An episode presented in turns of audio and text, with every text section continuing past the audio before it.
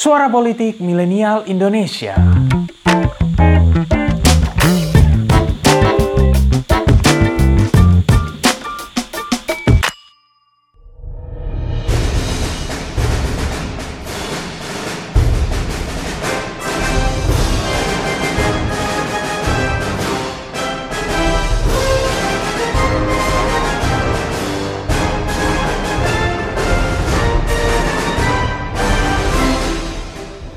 November 2021 mendatang, Panglima TNI Marsikal Hadi Cahyanto akan memasuki masa pensiun. Praktis, kita akan memiliki Panglima TNI baru. Ada tiga nama tentunya yang sedianya menjadi kandidat. Kepala Staf Angkatan Darat KSAD Jenderal Andika Perkasa, lalu ada Kepala Staf Angkatan Laut KSAL Laksamana Yudo Margono, dan Kepala Staf Angkatan Udara KSAU Marsikal Fajar Prasetyo. Jika pengangkatan dilakukan secara bergiliran, KSAL Yudo Margono akan menjadi Panglima TNI selanjutnya. Selain itu, ada pula faktor usia. Tidak seperti KSAD Andika Perkasa yang hanya mempunyai waktu satu tahun menjabat, Yudo Margono memiliki waktu setidaknya dua tahun sebelum pensiun jika terpilih. Namun, menimbang pemilihan Panglima TNI adalah hak prerogatif Presiden, nama Andika disebut sebagai kandidat terkuat pengganti Hadi Cahyanto. Sebelumnya, kita juga telah melihat Presiden Jokowi menunjuk KSAD Gatot Nurmantio sebagai Panglima TNI, meskipun sebelumnya Panglima TNI berasal dari Matra Angkatan Darat. Terkait persoalan momentum, ada komentar menarik dari beberapa pengamat yang menyebutkan bahwa jika pergantian Panglima TNI dilakukan dalam waktu dekat, maka KSAD Andika Perkasa akan punya peluang besar untuk jabatan itu. Namun, jika pergantian dilakukan setelah pertengahan tahun, peluang KSAL Yudo Margono akan jauh lebih kuat. Argumentasinya adalah masa jabatan yang terlalu singkat atau terlalu panjang dapat berdampak kurang bagus untuk organisasi TNI. Nah, pertanyaan yang kemudian muncul adalah jika aspek waktu sangat penting dalam penentuan pengganti Hadi, mungkinkah Andika menjadi Panglima TNI sebelum pertengahan tahun ini dan mungkinkah ini akan jadi batu loncatan yang bisa dikapitalisasi untuk katakanlah terjun ke dunia politik dengan maju misalnya di Pilpres 2024 mendatang? Well, sebelum kita mulai, pesan sponsor dulu ya. Pinter Politik baru aja rilis beberapa seri e-book loh yang berisi kumpulan tulisan. Sudah ada Membaca Politik Jokowi, Membaca Politik Luhut, dan Jalan Politik Prabowo. Nanti juga akan ada seri-seri selanjutnya. Link pembelian ada di kolom deskripsi ya. Back to the video, mari kita mulai.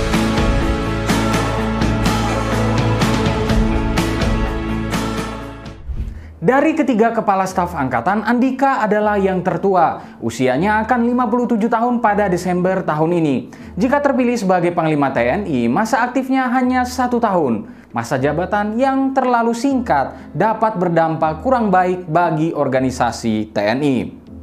Selain persoalan politik, ada pula aspek politik yang patut diperhatikan. Evan A. Laksmana dalam tulisannya Civil Military Relations Under Jokowi Between Military Corporate Interest and Presidential Handholding menyebut militer berperan penting dalam menjalankan agenda politik Presiden Jokowi pada periode pertama kepemimpinannya. Menurutnya, karena Presiden Jokowi tidak memiliki modal politik yang cukup untuk menjaga koalisi serta tidak memiliki pengalaman untuk mengelola hubungan dengan militer, mantan wali kota Solo itu mengandalkan purnawirawan seperti Luhut Binsar Panjaitan, AM Hendro Priyono, Ria Mizard, Ria Kudu, Wiranto, Agung Gumelar, dan Muldoko. Akan tetapi saat ini situasinya cukup berbeda. Di periode kedua ini Presiden Jokowi sudah memiliki pengaruh dan pengalaman yang cukup untuk mengelola hubungan dengan militer. Merujuk pada Louis Rubio dalam tulisannya Time in Politics yang menekankan pada pentingnya timing dalam dunia politik karena keputusan dan tindakan tertentu dapat memiliki efek yang berbeda tergantung pada momentumnya, tampaknya tidak berlebihan untuk menyebut Andika tengah dikejar waktu saat ini. Setidaknya ada beberapa indikasi yang dapat digunakan untuk memperkuat kesimpulan tersebut. Pertama, pada 14 Juni 2020 lalu, Presiden Jokowi mengunggah fotonya sedang berolahraga bersama ketiga kepala staf angkatan di TNI. Terkait foto ini, Jaeon Lee dalam tulisannya President's Visual Presentations in their Official Photos menyebutkan bahwa presiden secara strategis dapat menyajikan pesan dari diri mereka secara visual melalui sebuah foto. Lee misalnya mencontohkan unggahan foto mantan Presiden Amerika Serikat Barack Obama yang sedang memeluk istrinya Michelle Obama setelah terpilih kembali pada 2012 lalu. Menurut Lee, Obama hendak memberikan pesan bahwa dirinya adalah seorang pria yang mengutamakan keluarganya alias family man. Mengacu pada Lee, unggahan foto Presiden Jokowi bersama dengan ketiga kepala staf angkatan di TNI itu dapat bermakna bahwa Presiden Jokowi memegang kendali penuh atas pengangkatan Panglima TNI.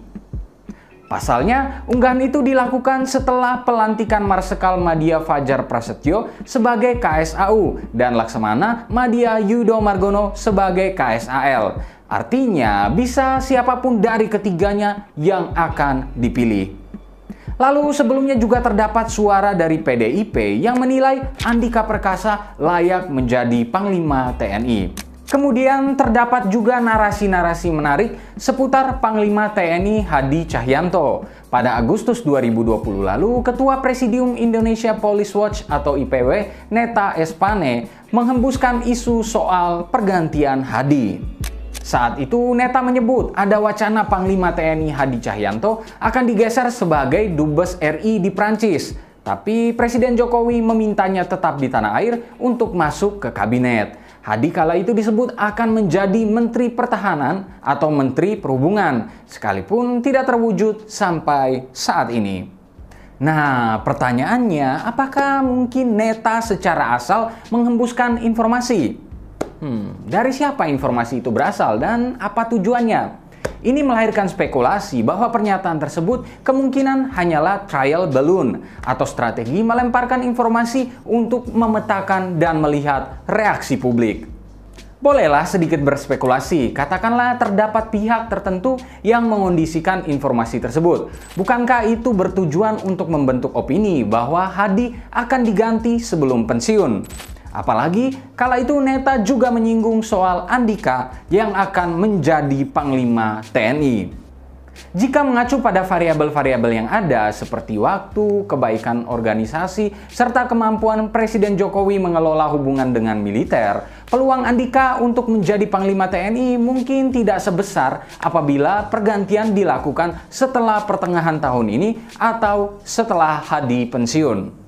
Peluang Andika juga bergantung seberapa besar persepsi publik terhadapnya bisa ia kelola. Beberapa waktu terakhir kita mungkin melihat bagaimana sisi lain dari Andika dalam kasus Aprilia Manganang yang kini telah berganti nama menjadi Aprilio Perkasa Menganang. Selain Sersan Manganang, coba berdiri.